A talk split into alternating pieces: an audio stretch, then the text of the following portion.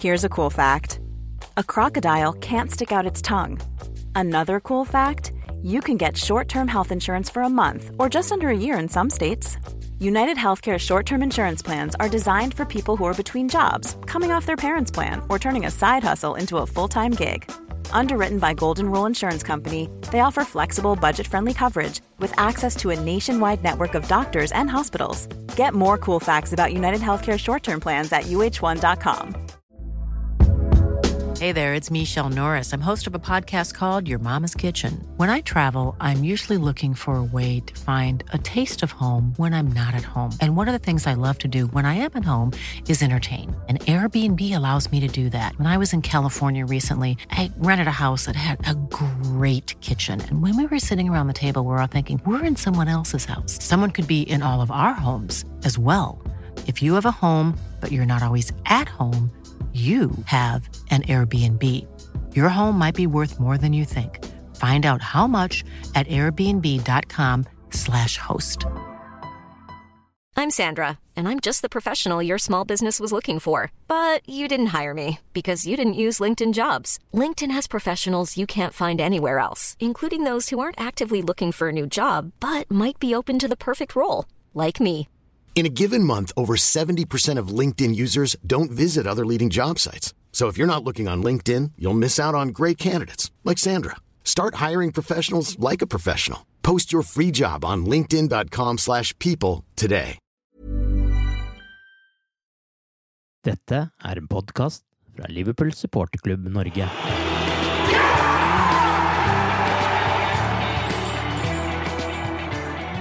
Vi håpet at vi ved å spille inn denne podkasten onsdag kveld skulle ha hyggelige nyheter om tabellposisjonen. At den genierklærte norske manageren til Manchester United skulle ha gitt oss drahjelp i ligakampen. Slik gikk det ikke, og ikke i nærheten engang. Men heldigvis holder vi med et lag som har alt det Manchester United mangler om dagen. Vi har karakter, kvalitet, innsatsvilje, vinnermentalitet og, for å være helt ærlig, en manager i verdensklasse. Arve Vassbonden heter jeg. Dette er den 39. episoden av The Cop-Out-podkasten, og det er Torbjørn Flatin og Arild Skjævland som er gjester denne gangen. Vi skal begynne med noe så sjeldent som å snakke om en kamp som Liverpool ikke engang spilte i, og det var oppgjøret på Old Trafford mellom Manchester City og Manchester United. Det endte 2-0 til Manchester City, og dermed leder de igjen med ett poeng foran Liverpool, og lagene har spilt like mange kamper. Var det for mye å håpe på at Manchester United skulle hjelpe oss her, Arild? Og hva synes du om de to lagene og hva de viste? I utgangspunktet så Det var vel den tøffeste kampen de har igjen, men jeg Jeg må si jeg hadde ikke så veldig eh, store forhåpninger før avspark. Eh, Fikk dessverre litt håp eh, når det holdt helt til pause, men de så ut til å ha sprunget seg helt, helt tom, altså. Det er en del spillere der som egentlig er litt utrolig at de spiller for et lag som United. Nei, City var nok dessverre Dessverre litt for god for dem, altså. Eh, Sånn at det ser en spiller som eh, Ashley Young, det er jo nesten litt synd på han at han eh, fortsatt må i aksjon der. Fred og Pereira, nei, det får nesten håpe at de får en forlenget avtale bare blir, for nå får vi ikke mer hjelp fra dem. Hva med deg, Torbjørn? Har du mista troa nå når vi ikke fikk hjelp herfra heller? Og hva tenker du om kampen vi akkurat har sett?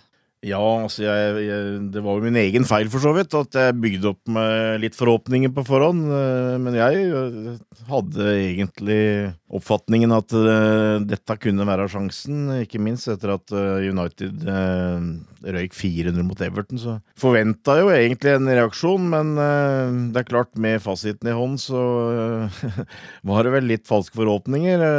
Men jeg, som sagt, jeg hadde forhåpninger, sjøl om når jeg så laget, så, så sank nok dem en del. For jeg satt vel da med en følelse at United trodde vel egentlig ikke så veldig mye sjøl på at de skulle greie dette her. De gikk vel med på at kanskje vi kan holde nullen her, og så eh, med et lykketreff kanskje score en goal, da. Men litt som Arild, ikke sant. Nå, nå greide de 0-0 med pause, men eh, det er jo liksom litt øh, den spilleren du kanskje hadde håpa skulle gi deg mest hjelp, da han slipper jo inn øh, i hvert fall én halvmiss og én helmiss, øh, David Dagea, så da, da var det kjørt. Men det er klart, når du så åssen det gikk utover andre omgang her, så mulighetene var nok ikke så veldig store, men jeg hadde et håp, og jeg syns det, det, føles litt tungt. Og jeg må jo si at uh, jeg, hvis jeg er ærlig nå, så, så, ser jeg ikke veldig optimistisk på at uh, City skal gi fra seg dette nå. Manchester City møter jo da Burnley, Leicester, som da kjemper om sjuendeplassen og Europa League, og Brighton, som kjemper mot nedrykk i sin sesongavslutning nå. Hva ser dere på som den beste muligheten til at City skal avgi poeng nå, da? Arild, du kan jo begynne. Nei, For min del så må det bli Burnley. Um, nå får de òg eh, en del hvile før de to siste kampene siden de er utslått av Champions League. Um, Burnley kommer jo tett, så det er vel det som spiller mest sånn uh, tradisjonelt engelsk, uh, litt hard fotball. holder seg veldig til prinsippene sine. De var det bra mot Chelsea. De har vært bra i form det siste. De har tror jeg, tre seire på og én uavgjort. Nå har de ikke det vært mot motstand som sitter, men uh, har jo et bitte lite håp om at de, de to ekstra dagene hvile over hjemmebanen kan uh, gjøre at uh, de kan stoppe de. Så har jeg òg prøvd å skrive meg sjøl optimistisk i kveld med å skrive en sak om at Burnley alltid slår den regjerende mesteren. Ja. Det har de nå gjort i hvert år de har vært oppe. De slo United i 2009 og City i 2015, Leicester i 2017 og Chelsea i 2017. Den etter de var mestere. Altså. har de tapt to ganger mot City 5-0 tidligere i år, så da, nå er vel tida inne, da, hvis den, de skal opprettholde den statistikken. Ja, Du dro litt ned den optimismen med de to ja. 5-0-resultatene der, syns jeg. Det kunne du holdt deg for god for. Det, det, klipper vi bort nå etterpå, tenker jeg. Men uh, Torbjørn, hva tenker du? Er det Burnley du setter lit på, eller er det Brennan Rogers, eller hvem er det som skal hjelpe oss her? Jeg er litt enig med Arild. Altså, jeg tror kanskje muligheten er størst eh, første kampen her. Og jeg vil jo forvente at Liverpool slår eh, Huddersfield på fredag òg. Nå tror jeg ikke eh, City lenger blir livredd av å måtte, måtte prestere eh, kamp etter kamp, men da legger du i hvert fall et lite press på dem. Og, og, og Burnley er et sånt lag som du føler i, i i, hvert fall ikke legger seg mot uh, topplaga. De er ikke redde, de, uh, de tar hele utfordringa. Så uh, ja, det, hvis det er noen mulighet, så er antagelig størst der. Jeg tror det. Daily Mail hevder du har fått tak i det som blitt årets lag, stemt fram av spillerne sjøl. De mener at The Virgin van Dijk ble årets spiller. Det var ikke så veldig stor overraskelse. Men hvis dere skal tippe på hvem som ble de elleve på årets lag, så det er et par overraskelser. Som begynner på keeperen. Hvem tror dere, tror dere det ble? Der må jo jeg si Alison, i hvert fall. Altså, jeg kan ikke Jeg kan ikke si noen andre der, jeg, altså. Jeg tror kanskje det er Edersen. Ja, ja Torbjørn har dessverre et. Ja, ja. Forsvarsrekka. Begynner først du, Arve, hvis du jeg for, jeg går, går iallfall ut fra at uh, Ashley Young ikke er på det laget. det, Fader, det er vanskelig, altså. Men uh, jeg, er jo liksom litt i Liverpool-land her, jeg. Men uh, van Dijk, selvsagt. Mm. Uh, Andy Robertson. Ja. kan få litt navn på Liverpool-spillere. det får ta over litt, Torbjørn. Ja, jeg, har, jeg, har en, jeg har en følelse av at det er en Tottenham-spiller. Nei. Nei. Det er ingen Tottenham-spiller på hele laget. Ok. Ja, såpass. Det er en City-spiller da i Forsvaret. Ja. Otamendi. Nei. Nei, nei det, var, det var et dårlig tips. Eh, Laporte. Ja. Mangler dere én? En høyreback. Er han fra City òg, eller? Nei. Fra Liverpool? Ja. ja. Oi. Prøve Trent og Alexander Arnold, da, eller? Ja, riktig. så tre av fire var i Forsvaret, ja. Oi. Midtbanen, eh, der er det en dere aldri vil klare, og så er det to som dere kanskje klarer. Ja. Fernadinho. Ja. Hazard, blir han regna som midtbanespiller? Ja, han er ikke med, han heller.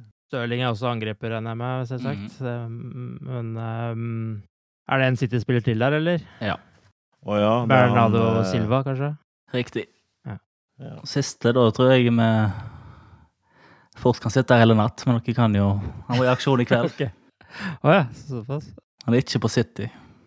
Nei uh, uh, Jordan Henderson? Nei Det er, det er, det er, Vinaldum? Nei, det var i aksjon i kveld.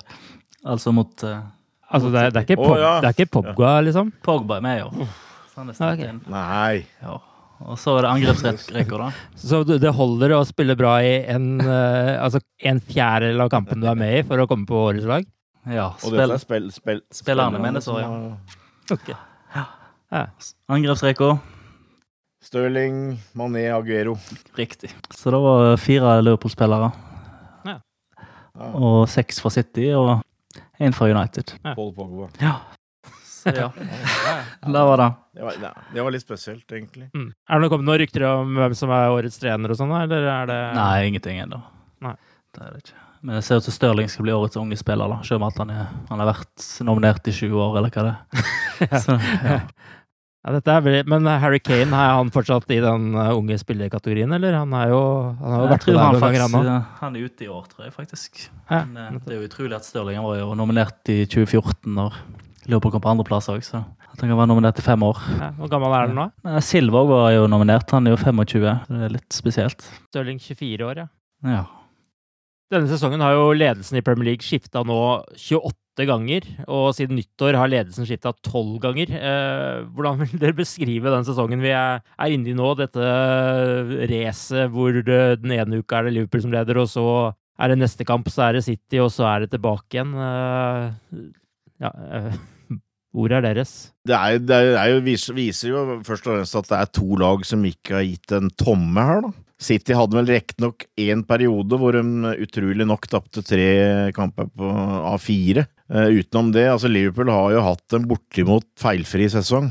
Du kan si sånn at uh, hadde vi greid uavgjort uh, på Etiad, ikke sant, så hadde vi leda tabellen og antagelig vunnet ligaen. Nå tapte vi 2-1 i en ganske jevn match. Ellers så liksom Hvor er feilskjæra? Altså, vi har spilt kanskje uavgjort mot Leicester og Westham eller noe sånt, men uh, det er, det er bortimot, som sagt bortimot en helt uh, feilfri sesong, og det er det som gjør det så, så spesielt. Da. Og nå har det blitt en sånn greie nå at uh, siden City har hatt en hengekamp her, så har jo det òg bidratt til at ledelsen har skifta hver to ganger hver helg, holdt jeg på å si, Mm. fordi begge laga vinner sin kamp. så det, det, det, er rett og slett et uh, nytt nivå, altså en helt ny uh, list som er lagt, egentlig. Altså, uh, sånn som City opptrer nå, så, så, så må du liksom ha den innstillingen at du må vinne hver eneste kamp, mens du før hadde sånne såkalte uskrevne regler om at du i hvert fall kunne spille en og annen kamp uavgjort borte, liksom. Så det er Nei, jeg vet ikke. Det, det, de har eh, satt, satt, en ny standard, og det, du ser jo bare avstanden ned til tredjeplassen. Det er vel eh, rundt 20 poeng, er det ikke det? Så eh, du får veldig sånn blandende følelse, føler jeg, fordi at du kan jo ikke sitte og klage på det Liverpool har gjort. Samtidig så sitter du med en sånn litt dårlig feeling på grunn av at vi er så, så nærme. så det er litt vanskelig å sette ord akkurat på det, altså, men jeg er helt sikker på det at når vi får dette litt på avstand, og skulle vi da bli nummer to ett poeng bak, ikke sant, og tatt uh, 97 poeng eller 95 poeng eller hva det, hva det blir, så um, tror jeg vi skal greie å finne årsaker til at vi kan se fram mot neste sesong og, og glede oss til godt lag og sånn. Det kommer vi sikkert tilbake, tilbake til her, også, da, men det, ak akkurat nå så er det liksom det, ja, det går, det går, noen dager i hvert fall, men det er klart, nå har vi en semifinale i Champions League og litt forskjellig sånt, så vi får vel ikke tid til å deppe for lenge her. Det er forbanna irriterende bare at uh, det beste Leopold-laget i min levetid, og fins finnes det kanskje et lag som er bitte, bitte, bitte litt bedre. At han skal bli så At vi skal se på den der åtte millimeteren eller hva det var, Sadio Mané-målet, blir minnet på at hvis det er det det ryker, så blir det ja, blir litt grann tungt, selv om det er mye å, å glede seg over. En får håpe en en kan få med seg en Champions League-finale hvis det ikke skulle, skulle ligagull, i hvert fall. Så han sitter igjen med noe etter en sånn så fantastisk sesong. Nå er det jo Liverpool måte, som har satt press på City ved å gå opp i ledelsen hver gang. Er dere redde for at dette her skal påvirke Liverpool på noe vis, nå når City har initiativet igjen, og det er så få kamper igjen? Jeg, jeg tror ikke det. Når, når det er Huddersfields neste motstander, det er vel et av de aller dårligste lagene som har vært i Premier League. Um, så nei, det, der, forventer jeg i hvert fall en, en ganske behagelig seier, sånn at en kan uh, nesten spare litt inn mot, mot Barcelona på onsdag. Hva tenker du om det, Torbjørn? Er det litt fare for at det, liksom, lufta går litt ut av ballongen for uh, Liverpool-spillerne nå? Men uh, du skal jo møte et lag nå som uh, ikke har vunnet mot Liverpool siden Bill Shankly var manager i Huddersfield i 1959. Ja. nei, uh, nei, jeg er ikke det. Altså, jeg tror forskjellen er, er for stor, egentlig. og jeg, jeg tror heller ikke Klopp kommer til å bytte så, så mange spillere. I hvert fall kanskje to-tre eller noe sånt. Jeg veit ikke. Nå spiller vi på fredag, og det blir søndag, fredag, onsdag, så eh, det er ikke noe sånn knallhardt program, egentlig. Den testen blir jo på en måte mellom Barcelona der, når vi har Newcastle på inneklemt der. Tror absolutt at vi kommer til å vinne på fredag mot uh, Huddersfield. Det tror jeg jo. Om, om, hvor stort fyrverkeri det er, det, det får vi nå se. Men fotballspillere, når en går ut på, på banen sånn, så, så, tror jeg det. Men uh, jeg ser jo kanskje for meg at Klopp Det kunne vært moro, for eksempel, å latt uh, Sheidan Shakiri starte en kamp. og Tror jeg kanskje han justerer litt på midtbanen igjen. Eh, litt sånt noe. Eh, kanskje gitt Joe Gomez en kamp fra start eller noe, men eh, utover det så regner jeg med omtrent toppa lag. Og jeg ser heller ikke noe problem med å, med å bruke det. Så vi, vi, må, vi, må, på en måte ikke gi opp håpet helt her. Altså prøve å, å gjøre jobben så best vi kan, og så håpe at det skal skje et under. Hvilken, eh, hvis vi bare tar det nå først og sist, da, altså denne Huddersfield-kampen. Hva, hva, tenker du, Arild, i forhold til endringer på laget der? Jeg tror kanskje det blir på bekkene, da, hvis det skal, hvis det skal spares noe. De har spilt, uh, spilt mye og vært rotert lite. Uh, og nå kamp er vel en stor fire meter lenger, var det det Klopp sa. De trenger, trenger friske bein på kantene der. Jeg ser ikke for meg egentlig at uh, en Salas har lyst til å bli toppskårer eller noe sånt. Uh, har ikke sånn stort behov for å hvile i den. Må heller se om de spiller hele kampen, men jeg tror på bortimot toppalag, men kanskje at Gormes tar en høyre bekk eller Milder på en venstre bekk, et eller annet sånt kanskje. Men, men er ikke det også en sånn uh, posisjoner hvor man har vist seg å være veldig avhengig av å ha gode bekker i denne type kamper, hvor man vil stange litt og, og sånne ting? Jo, men uh, samtidig så skal Huddersfield være så dårlig at det Det blir ikke noe stanging? at, nei, det bør ikke bli det. Altså. Nei, nei. Eh, jeg ser for meg at det kan skje, i hvert fall, i hvert fall på en av bekkene. Uh, Torbjørn nevner jo Shakiri her. Er det også en mann du har lyst til å se litt mer av nå? Jeg har nesten glemt uh, Shakiri. Han har nesten ikke vært involvert. Um, men ja. Uh, det kan jo være et alternativ. Eh, hvis, hvis, vi nå ser litt tilbake til uh, det som skjedde mot uh, Cardiff, hva slags styrker og svakheter så dere fra Liverpool uh, i den kampen?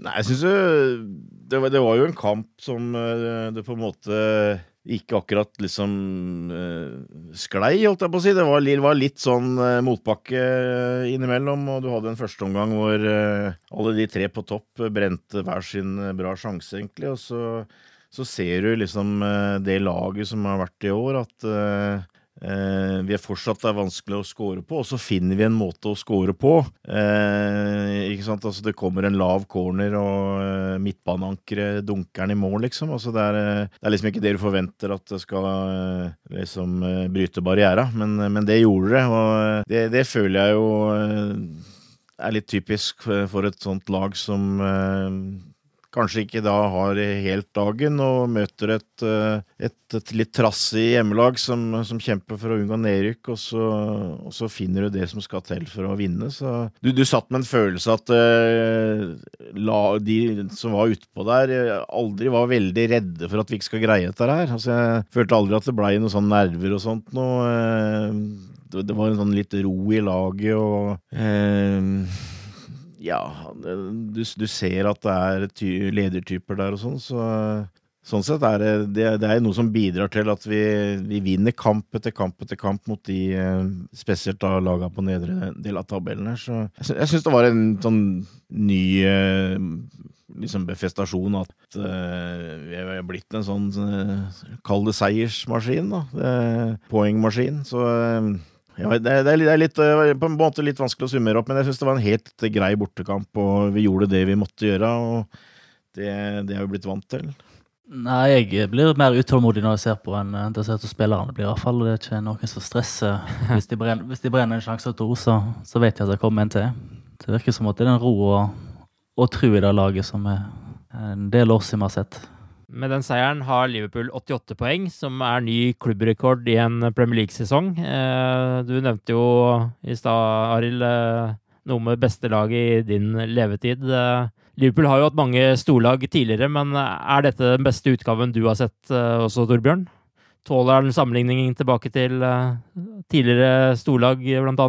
Kenny Daglish, uh, laget med Barnes og Beardsley og Ja, jeg syns absolutt uh, det laget tåler sammenligning med, med, store årganger tidligere. Hvorvidt det er bedre eller ikke, litt forsiktig med å si for mye. Eh, det er liksom, Du har liksom den faktoren nå, som Arild sier, at vi, vi, spiller nå kanskje mot tidenes beste lag eh, i engelsk fotball. Eh, så det, det, ligger liksom at skal du, skal du bli virkelig regna som storlag, så bør du vinne noe. Men eh, det er klart eh, det er litt spesielt nå, siden du har City som konkurrent. Men jeg, jeg føler absolutt at eh, det laget som nå er helt på høyde med de, de store lagene vi hadde på eh, kanskje spesielt andre del av 70-tallet og, og 80-tallet. Og jeg syns jo for eksempel, hvis du, hvis du, drar fram det laget fra 88, da, som kanskje en del kjenner til, så, så syns jeg det ligner ganske mye, egentlig. Altså det Fortsatt så er vel kanskje styrken eh, angrepsrekka, sjøl om det har blitt jevna ut nå, da. Men eh, da hadde du Barnes, Beasley, Holrich, og nå har vi tre på topp som, eh, som er noe av det beste vi har hatt. Eh, vi hadde riktignok en Alan Hansen kanskje på hell. Eh, det var den siste sesongen han hadde, og kneet begynte å bli skranglete, men eh, det var uansett en stor spiller. Det var hans siste liksom, sesong hvor han var med hele tida. Og Grobbelar i mål. Jeg føler at vi har en minst like god keeper nå. Van Dijk kan du absolutt sammenligne med Alan Hansen. Og, og det som kanskje var Eh, om ikke svakhet, så det, det, minst dominerende på det laget var midtbanen, og det er det litt nå. Vi har ingen stor midtbanespiller, men det hadde vi. Steve McMahon var vel den mest profilerte midtbanespilleren den gangen, så du kan heller ikke si han, han var helt oppe i øverste klassen der. Så jeg, jeg syns det ligner eh, ganske mye, altså. Det, det syns jeg. Jeg absolutt det er mulig å sammenligne det. Men du kan si det som du kanskje mangler litt, det er jo at vi, vi har ikke den eh, erfaringa med å vinne, kanskje. Vi, vi, vi trenger å vinne en finale eller to, for eksempel, og selvfølgelig aller helst å vinne ligaen, da. Så jeg tror kanskje det ligger noe der, men eh, absolutt. Eh, dette er eh, absolutt noe av det beste som Liverpool har hatt. Du, du nevner jo midtbanen her. Vi må jo nesten innom det i denne podkasten også. Det er jo nærmest blitt obligatorisk. Henderson har jo virkelig stått fram nå. Nå kom plutselig Wijnaldum inn igjen etter en svak kamp forrige gang og leverer varene. Hvem eh, skal vi begynne med mot Huddersfield og mot Barcelona? Hva, hva tenker dere der?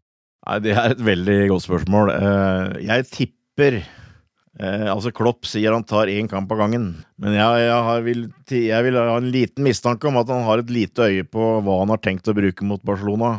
Og kanskje bruke noe annet mot Huddersfield. Men det er ikke sikkert. Men det jeg, jeg veit ikke. Jeg, jeg har en, en, følelse av at han kommer til å bruke Fabinho mot Barcelona. Det er mulig at det, det er kanskje ikke så veldig logisk, i og med at han har ofte brukt de der gode, gamle, rutinerte gutta sine i sånne litt tøffe bortekamper, men eh, jeg tror kanskje han bruker eh, Fabinho eh, mot Barcelona, og jeg vil tippe Vinaldum og Henderson. Og da eh, vil jeg ikke bli veldig overraska om Keita starter på fredag, for eksempel. Jeg tror han kommer til, jeg tror han, tror han kommer til å tenke litt sånn. Muligens Du har Milner òg, men det er mulig at uh, Arild har rett. At uh, han får en backplass, for eksempel. Uh, men også, det, det, det, er jo blitt sånn at alle de fem er jo A lot can happen in three years, like a chatbot may be your new best friend. But what won't change? Needing health insurance. United Healthcare Tri Term Medical Plans, underwritten by Golden Rule Insurance Company, offer flexible, budget friendly coverage that lasts nearly three years in some states. Learn more at uh1.com. Hey there, it's Michelle Norris. I'm host of a podcast called Your Mama's Kitchen. When I travel, I'm usually looking for a way to find a taste of home when I'm not at home. And one of the things I love to do when I am at home is entertain. And Airbnb allows me to do that. When I was in California recently, I rented a house that had a great kitchen. And when we were sitting around the table, we we're all thinking, we're in someone else's house. Someone could be in all of our homes as well. If you have a home, but you're not always at home, you have an Airbnb. Your home might be worth more than you think. Find out how much at airbnb.com/slash host. Burrow is a furniture company known for timeless design and thoughtful construction and free shipping, and that extends to their outdoor collection. Their outdoor furniture is built to withstand the elements, featuring rust-proof stainless steel hardware, weather-ready teak, and quick-dry foam cushions. For Memorial Day, get 15% off your Burrow purchase at burrow.com slash ACAST and up to 25% off outdoor. That's up to 25% off outdoor furniture at burrow.com slash ACAST. I'm Sandra, and I'm just the professional your small business was looking for. But you didn't hire me because you didn't use LinkedIn jobs. LinkedIn has professionals you can't find anywhere else, including those who aren't actively looking for a new job but might be open to the perfect role, like me. In a given month, over 70% of LinkedIn users don't visit other leading job sites. So if you're not looking on LinkedIn, you'll miss out on great candidates like Sandra. Start hiring professionals like a professional. Post your free job on linkedin.com/people slash people today. Millions of people have lost weight with personalized plans from Noom, like Evan, who can't stand salads and still lost 50 pounds. Salads, generally, for most people, are the easy button, right? For me, that wasn't an option. I never really was a salad guy. That's just not who I am. But Noom worked for me. Get your personalized plan today at Noom.com. Real Noom user compensated to provide their story. In four weeks, the typical Noom user can expect to lose one to two pounds per week. Individual results may vary. Bra form, egentlig. Eh, Henderson har kommet som ei kule nå. Uh, Milner gjør alltid en jobb. Eh, Keita føler du er i ferd med å blomstre ut i den spilleren du trodde du kjøpte.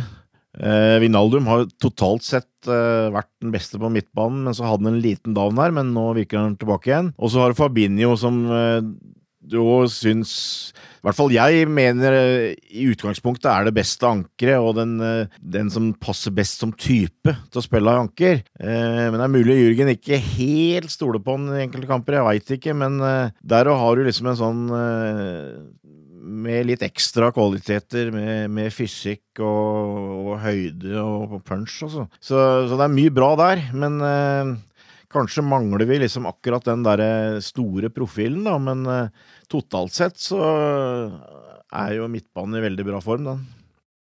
Hadde du eh, tatt sjansen på å sette Henderson tilbake til eh, ankerrollen og Arild f.eks. mot eh, Barcelona, eller bør han holde seg i posisjonen han har spilt de siste kampene?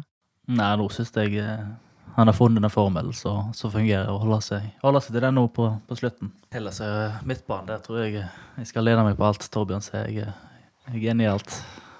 Det er jo veldig kjedelig, da. Da får vi ja, gå videre. Ja, det, er sånn hver gang du, inviterer oss samtidig. Så. Jeg glemmer det der men hver gang. Eh, etter seieren mot eh, Cardiff så dro Dominic King i Daily Mail linjer tilbake til da Liverpool var tittelutfordrer i 2008-2009. Eh, den gangen var det en slags uh, følelse om at uh, man hadde et lag som kunne ta steget opp og matche Manchester United, som hadde storformen på den tiden, med profiler som Pepe Reina, Carriager, Steven Gerrard, Javier Mascherano, Sabi Alonso og Torres. Men så falt det sammen med både salget Alonso og så en klubb som var i økonomisk krise, og Dominic King skriver at tiden viste at fundamentet for den titteljakten ble bygget på sand, men så mener han da at eh, dagens Liverpool-lag har en helt annet fundament bak seg, annet med mye mer profesjonelle eiere og en mer velstrukturert eh, klubb. Er dere enig i den beskrivelsen, at eh, både laget og strukturen rundt nå er en annen kvalitet, og at Liverpool nå er tilbake som et stabilt topplag? Den gang så følte du liksom at eh, ja, nøkkelspillere var linka til de store spanske klubbene spesielt. Eh, det er jo for så vidt nå òg, men eh, du sitter med en følelse av at Liverpool er en klubb så, spillere vil til heller enn at de vil forlate. da. Det virker ikke som at det er så mange klubber utenfor Premier League heller som har så store penger at de egentlig har en sjanse til å friste til seg noen av disse nøkkelspillerne til Liverpool. Hvis, hvis en eller annen skulle gå, så føler i hvert fall jeg at de har en har bra nok folk der til å, til å bruke de pengene fornuftig. Da Da har de vel visst med hva som skjedde når Coutinho ble solgt. Så, så, hvis en skulle miste én, så, så har jeg god tro på at en vil, eh, vil finne en god erstatter. Men jeg ser ikke helt hvem som skal, hvem som skal kunne gå, eller vil gå. Jeg tenker at Liverpool bare vil bli egentlig enda bedre neste sesong, selv om at jeg kanskje ikke tror de kommer til å ta 97 poeng. Det blir 100, da. Ja, minst. Hva med deg, Torbjørn? Hva tenker du? Ja, jeg, ja da, men jeg, jeg tror først og fremst fundamentet i klubben er noe helt annet enn det var den gangen. Du kan si Det var vel nærmest en sånn siste, krampetrekning, den 08-09-sesongen, hvor vi ikke helt visste hvor ille det sto til med, med økonomien og, og, måten som Gillette og Hicks dreiv på. det, det, det lå helt sikkert i, i bånn der. Og så nå, Kanskje jeg kan bli uenig med Ari litt her, da, men altså Rafa hadde jo plutselig eh, veldig lite eh, mulighet på transfermarkedet og sånt nå. Nå var det vel eh, han, delvis hans egen skyld at Alonso forsvant, men eh, eh erstatteren ble jo da Alberto Aquilani, den italienske prinsen.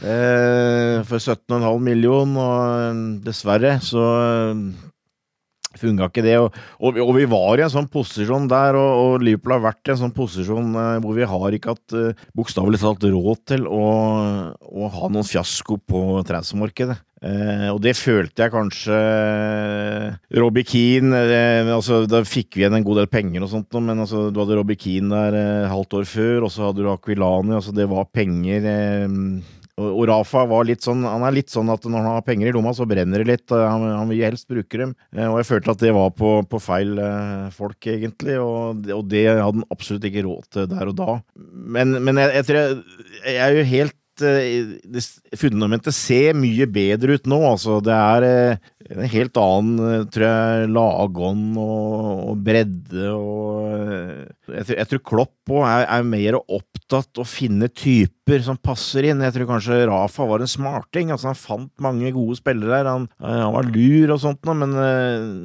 å, å, tenke litt sånn langsiktig, det tror jeg kanskje ikke var så mye hans greie. Men, men, men Samtidig så må, vi være litt obs på det at fotballen står ikke stille, så vi, vi må fortsette å gjøre ting riktig her. Eh, fortsette å bygge. Eh, nå tror jeg det, at eh, som Arild sier, så det tror jeg han har helt rett i. Altså, jeg, jeg, er ikke redd for at det forsvinner en nøkkelspiller til sommeren. Det tror jeg ikke. Men kanskje neste sommer, hvis vi ikke vinner noe. Altså, du ser eh, de beste spillerne nå etter Liverpool, de er alle rundt 5-6-27 år. Eh, nå er på en måte laget modent, føler du, til å gjøre noe. Men jeg, jeg, jeg, tror det er viktig at vi, om vi ikke vinner noe nå, eh, så vil vi i hvert fall ha vært veldig nærme. Men vi må være helt sikkert er vi nødt til å være med neste år òg. Så det, det, fundamentet Det kan nok sprekke litt opp, men altså for all del. Altså, det blir gjort mye bra. Altså, vi, eh, nå skal vi ha nytt treningsfelt uh, hvor eh, alle blir samla, og, og, det bygges ut i troppen, ikke sant, og du, du, føler at det har blitt orden på transferkomité og alt det greiene der, så det, det, er veldig mye positivt. Men uh, det er andre klubber som òg ønsker å gjøre gode ting, så vi er, vi er nødt til å hele tida prøve å ha nesa litt foran her. Det, det blir en utfordring, men jeg tror Sånn på kort sikt så tror jeg vi også kan Neste år tror jeg kan se veldig bra ut. Altså det, vi kommer helt sikkert til å være med et neste år òg, men vi, vi, vi, kan ikke stå stille. Det, det er for helt sikkert. Vi trodde vi kunne sport, og at våre kunnskaper ville kunne overføres til Liverpool, men det har vært utfordrende. Det sa Liverpools eier John V. Henry i et eh, intervju nylig med NBC. Eh, det er jo ærlige innrømmelser fra en eier, men eh, FSG kjøpte jo Boston Red Sox i 2002, og de hadde ikke vunnet World Series siden 1918. Og etter det har de vunnet i 2004, 2007, 2013 og 2018. Eh, Anfield-fansen har heldigvis ikke måttet vente like lenge som de på Fenway Park. Men du har vært litt innom det, Torbjørn, men hva mener du FSG har lykkes med å endre siden de kom inn i klubben? og hva har de på en måte gjort feil før og på en måte justert de nå? Ja, jeg må bruke litt tid da på liksom å føle og, og, fortelle litt om hva jeg føler var utgangspunktet. Jeg tror, jeg tror FSG, når den kom inn, så tror jeg, tror jeg det var med gode hens, uh, intensjoner. Det tror jeg. Jeg tror de var inter interessert i å, å, gjøre ting på en skikkelig måte. Uh, men uh, dette var folk som uh, drev med amerikansk idrett. Jeg har jo hørt f.eks. Eh, han styreformann Tom Werner sa etterpå altså Han trodde jo de liksom nærmest uh, bløffa når de eh, prata om at vi skulle, kjøpe Liverpool FC, altså fotballklubben. ikke sant? Altså, men, men, jeg tror det som lokka, lokka dem her, det, det var en lukrativ TV-avtale. Financial Fair Play hadde de hørt om og at det var en stor merkevare som var kjent verden over. Men, men de hadde bakgrunn fra amerikansk idrett, og de, den modellen som de så mot, var den derre såkalte Moneyball-modellen. Som eh, Billy Bean eh, hadde hatt i Oakland, eh, baseballaget, hvor, hvor, veldig mye gikk på statistikk. Hvor han fant en måte på å, og fant spillere som ikke så veldig bra ut, men som var spesialister på enkelte områder. Og hvis du brukte dem riktig, så, så, de, så kunne de kjøpe dem billig. Og de ble plutselig mye mer verdt, og så kunne de selge dem dyrt. Eh, det var liksom tanken, og så hadde du da en link til Damon Comolli, som jobba i Tottenham som talentspeider, som var veldig opptatt av den derre eh, ideen med, med statistikk. Eh, og på den måten der. Og, og, på den måten så skulle de overføre dette fra eh, amerikansk idrett til eh, Liverpool FC. Eh, men dere med som, og som eh, som du er inne på, du er inne på her. Altså, det oppdaga vi etter hvert at det, er en helt annen av manglene bedre ord, en helt annen dynamikk når det gjelder f.eks. transfers eh, i europeisk fotball. Og eh, Komolli var vel ikke noe sånn eh, genistrek. Eh, egentlig. De, de, hadde ønska jo en, en, ung coach som kunne utvikle dette her, og Brenn Rogers ble jo valget. Men altså, det var jo meningen at de skulle ha f.eks. en sportssjef der, som Rogers nekta, fordi han, han så for seg at det her ble det krangel, ikke sant. Og dette her eh, eh, er vi ikke vant til her, ikke sant? Det, så det ga de, eh, ga de, seg på etter hvert. Så, så det, det, var på en måte en sånn eh, lærepenge. Eh, og jeg tror også det i amerikansk idrett, ikke sant. Altså, hvis du selger sesongbilletter i fem, fem, år, så har du gjort jobben, liksom. Og da skrur du bare opp prisene. Og det tror jeg var en liten overraskelse for dem, de, den reaksjonen som kom når de begynte å skru opp billettprisene. Så, så de fikk en del sånne eh, meldinger, tror jeg, som de eh, i utgangspunktet ikke var klar over. Men så var de eh, hele tida gode businessfolk. Eh, fikk gode sponsoravtaler, drev god butikk. Og så syns jeg de har vært flinke til å lytte. Altså, de har skjønt at dette har vi egentlig ikke så veldig greie på. Vi, vi lytter til den som har greie på det, og, så, og så justerer vi oss etter det. Og den store føler jeg jo manøveren som de gjorde, det var jo å hente Jürgen Klopp. Altså, da fikk de en mann eh, som kunne jobbe med det transferopplegget som de så for seg. En, en mann som ønska å få inn unge spillere som tenkte langsiktig, som de stolte på, som de eh, følte at de kunne gi penger og, til transfers osv. Eh, og så har de i tillegg eh, gjort en bra jobb med Mainstand, sjøl om eh, en ny tribune var vel liksom litt med hele pakka hele veien her. Så jeg tror, jeg tror, de har vært eh, Du må si at de har vært flinke til å uh, kunne liksom uh, vende seg etter vinden her, føler jeg. Og det er klart, dem har, dem har gjort et, en kjempeinvestering. Altså Liverpool har jo vært flere ganger nå, mer nå enn når de kjøpte dem. så så de har gjort butikk, men uh, de, uh, jeg, jeg syns allikevel at uh, tross alt så har de gjort ting på en skikkelig måte og, og satt det hele i, i, bra stand. Og nå veit vi jo ikke hvem som på en måte rådgir dem når det gjelder de sportslige avgjørelsene her. Det, det er liksom en liten hemmelighet, egentlig, tror jeg. Hvem som egentlig trekker litt i trådene der. Men det har blitt, blitt, tatt noen bra avgjørelser der. Så, eh, og, og, det at eh, John Henry eh, nå innrømmer det at vi, vi gjorde noen feil avgjørelser i starten, det, det bare understreker at de har skjønt at vi, vi er tross alt inne på et marked der som vi i utgangspunktet ikke har noe greie på. Så alt i alt så har de kommet veldig godt ut av det, syns jeg. Ja, altså de brukte jo lang tid på å prøve og feile og, og lære, men det ser ut som de har fått på plass eh, både modell og folk som fungerer. og det er vel bare City og City har en De har evig med penger. De har eh, håndplukka de beste folka fra Barcelona og fikk på plass uh, Pep Guardiola til slutt. Liverpool har Jørgen Klopp og en transferkomité som fungerer, men hvis du ser på hvordan Liverpool og City har kjørt, om det har kosta mye, mye, penger, så se på hvordan de har handla i forhold til, til Arsenal og, og, Chelsea og Manchester United, så ser du at det er to klubber som har sier mye rett når det kommer til rekruttering. Bare for å skyte inn her, ikke? Altså, et, et, eksempel her er jo at eh, jeg, jeg, tror absolutt Financial Fair Play eh, var et punkt her eh, som gjorde at eh, FSG kom inn. For At eh, ok, da kan vi være med og hevde oss osv. Men det, det, viste seg jo at det var litt sånn fallitt, da, fordi eh, klubber har greid å finne en vei rundt det. og da, altså hvis du hvis du dykker inn i materien her og, og, sjekker hvor mye penger Liverpool egentlig har brukt på transfer, så er det ikke så veldig mye. Men de har tross alt da henta inn verdens dyreste forsvarer og det som da var verdens dyreste keeper. I en uke. Eh, som, ja. Som, som, viser at de skjønner det, at eh, når vi skal ha kvalitet, så er fotball sånn at vi er nødt til å handle kvalitet. Eh, og vi er nødt til å betale for det. Det, det, det viser jo bare én av de eh, læresetningene som de har fått med seg her. Og de har vel også heva aldersgrensen, hva man skal kalle det, for hvem de henter inn. Altså i forhold til, En ting er kvalitet, men de har også henta gjerne to-tre år eldre spillere enn de gjorde i starten. Som er mer etablert, og som eh, virkelig bare går rett inn i laget. Ja, absolutt. Der har du litt Kall det dynamikk, eller hva det er for noe. ikke sant? Altså, du, du må eh, I en sånn situasjon som Liverpool er, altså, så, eh, så, så må, må, du på en måte være en pengefabrikk. Eh, enten du liker det eller ikke. altså Du er nødt til å bruke penger på å hente kvalitet. Da. Men nå er ikke jeg noen ekspert på baseball, altså, men jeg, jeg har en sønn som følger med en del. og Den bruker penger på baseball, de gutta der.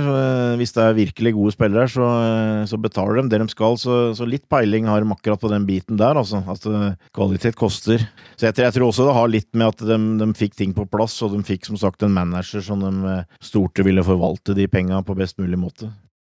Det her er jo ikke bare tiden for å snakke om titteljakt og Champions League osv., selv om vi skal snakke veldig mye om det framover. Eh, men det begynner også å fylle seg opp på ryktebørsen med tanke på neste sesong, nå som vi er innom transfers og den type ting. Du nevnte for meg i går, Arild, at du følte deg som en 14-åring igjen da du publiserte et innlegg i ryktebørsen vår. Hva, hva har det det handla om? Ja, det er noen år siden jeg har klikka meg inn på YouTube og, og, sett på klippet etter jeg har sett et navn bli sett i forbindelse med Liverpool. Det er vel Jeg husker godt Litallik og Pongol og de tiende der når de jeg gjør, stadig, jeg gjør det stadig. Ja.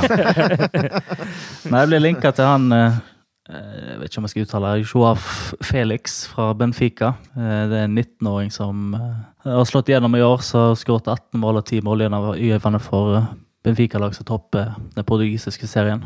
Det er en som jeg stadig får inn i, i Twitter-feeden min for hver gang han har gjort noe. Han ser ekstremt lovende ut. Det var en fransk journalist som heter Mohammed Bouhafsi, som har veldig godt rykte på seg når det kommer til overganger og den slags. Han eh, tvitrer i går at Liverpool hadde kontakta Benfica for eh, snart to uker siden. Og var en av fire klubber sammen med Juventus og Manchester-klubbene som ønska seg han til sommeren. Og han kommer til å forlate Benfica til sommeren, så det var et, et spennende rykte. Altså, hva ønsker du deg til sommeren, for å si sånn, eh, Torbjørn? Eh, er dette noe du kunne tenkt deg? Ja, det er sikkert. Nå kjenner jeg ikke Har jeg ikke sjekka Har du ikke vært på YouTube ennå? Eh, jo, nei, ikke Felix, tror jeg. Nei, nei. Jeg må innrømme. Uh, men jeg skal sjekke den. Ja. ja. nei, altså, jeg føler jo uh, vi, uh, vi trenger ennå kanskje litt mer uh, framover. en offensiv midtbanespiller og en, en spiss. Altså, vi, vi, har for, vi, har ikke den samme dekninga som City, eksempel, og vi har heller ikke så mange Vi er ikke så sterke når det gjelder kreative midtbanespillere, men på, på topp Eh, så føler du kanskje litt nå at eh, hvis en av de tre er borte, så eh, har vi kanskje ikke noen vi helt kan stole på, så der må vi ha inn en, føler jeg. Og så er det litt sånn usikkert Nå, nå tror jeg, har jeg tro på at de der på midtbanen kommer til å ta ytterligere steg til neste sesong. og Vi, vi har en Oxlade, Chamberlain og litt forskjellig bakgrunn, men allikevel så ville jeg gjerne hatt en skikkelig, kall det playmaker på midtbanen, også. Så i hvert fall eh, en spiss en eh, midtbanespiller. Og så burde vi vel hatt en forsvarer eh, i hvert fall for å sørge for at vi hadde bedre dekning der. Men, men for all del gjerne en toppspiller. Altså, det er jo blitt hviska litt om han de likte, han kaptein på Ajax for eksempel. Så jeg håper jo kanskje at Virgil van Dijk er veldig kompis med han, da, og hvisker noen ord i øret, kanskje. Men de gutta der pleier jo som regel å havne i Barcelona, de som er i toppklubbene i Nederland. Men, eh, men eh, ja, jeg, jeg, tror, jeg, tror, uansett at Klopp eh, legger opp til å prøve å kjøpe to-tre toppspillere. Og så blir det kanskje en ny reservekeeper og en og annen unggutt, men jeg tror, jeg tror det blir heller lite og kvalitet. Og det, og det, er litt hans greie. Altså, det, nå, nå, får vi se. Det er alltid spennende på sommeren med transfers og sånt. Og, Men Klopp har jo liksom en, en politikk med at uh, flere av de som kommer, dem har han hatt i søkelyset lenge, og flere av dem har vel nærmest uh, vært klare ei god stund på forhånd og sånt nå, og det ser jeg kanskje litt for meg nå, at det er en eller to spillere som han uh, har i kikkerten, og som også er en av grunnene til at han ikke handla i januar, f.eks. Jeg, jeg tror han har kontroll på det, altså, det tror jeg, men det, jeg har vel i grunnen sagt det når det gjelder altså Jeg føler vi må ha litt uh, mer offensiv uh, og kraft å velge mellom, og også en bedre dekning bak der. Fabinho kom jo helt overraskende på f.eks. i fjor sommer. Hva tenker du, Arild? Hvilke posisjoner er det du ønsker å, at man skal gjøre noe med for å ta enda et steg neste sesong? Nei, jeg håper bare at de, at de sikter høyt. At det blir spillere som tiltenkt en, en betydelig rolle på, på på laget, på en måte. Altså, det, altså jeg har ikke noe imot et sånt kjøp som Shakiri, men uh, det hadde vært fint med en, uh, en skikkelig spennende offensiv spiller som kan komme inn og ta en, ta en plass der på sikt. Nei, jo, altså, jeg, jeg, tror, jeg, tror, Fabinho kommer til å ta nye skritt. Jeg tror han kommer til å bli etablert som anker, og jeg tror Keita har potensial til å utvikle seg og bli en, eh, en bokstavelig talt sentral midtbanespiller. Men jeg, du har jo spillere som Henderson og Milner der, som eh, Nå er ikke Hendo så veldig gammel, men altså, tross alt, de eh, begynner å dra litt på. og Kunne vi fått inn eh, et, en sånn ny der som hadde løfta det ytterligere litt eh, på midten der, så tror jeg det hadde vært veldig viktig. Også i tillegg, da, som jeg har nevnt flere ganger, at eh, i kampen hvor det låser seg litt. Hvis vi får en skade framme, så har vi, har vi, en mer stabil målscore enn det vi har hatt nå. Altså, uh, Sturridge uh, følte jeg jo før sesongen uh, uansett ville blitt en bonus. og og det blei et uh, par bonuser si, mot Chelsea og Paris og litt forskjellig, men totalt sett så blei det ikke så veldig mye ut av det. Og Origi føler jeg vel òg ikke er helt det du forventer av en uh, gullkandidat i ligaen. Så der, uh, der, vil jeg gjerne ha inn en. Altså. Jeg, jeg, tror vi må se der. Det lar vi bli siste ord i denne podkasten. Tusen takk for at dere har lyttet til oss. Eh, vi har nå passert 48 000 medlemmer i supporterklubben. Det er vi selvsagt veldig glade for. Eh, jeg vil også minne om at vi nå i serienspurten har enda en ukentlig podkast som vi lager i samarbeid med The Anfield Rap fra Liverpool, og mm, som kommer ut på mandager. Med det så takker vi for denne gangen, og så ser vi om eh, serieledelsen har skiftet eh, enda en gang til neste gang vi hører fra oss. Tusen takk for at dere var med, Torbjørn og Arild. Ha det bra så lenge. Ha det bra. Ha det.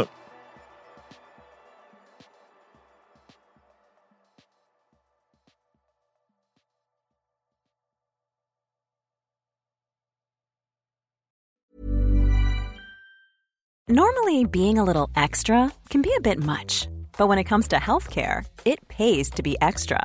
And United Healthcare makes it easy with Health Protector Guard fixed indemnity insurance plans. Underwritten by Golden Rule Insurance Company, they supplement your primary plan, helping you manage out of pocket costs without the usual requirements and restrictions like deductibles and enrollment periods. So when it comes to covering your medical bills, you can feel good about being a little extra. Visit uh1.com to find the Health Protector Guard plan for you. Even on a budget, quality is non negotiable. That's why Quince is the place to score high end essentials at 50 to 80% less than similar brands. Get your hands on buttery soft cashmere sweaters from just 60 bucks, Italian leather jackets, and so much more.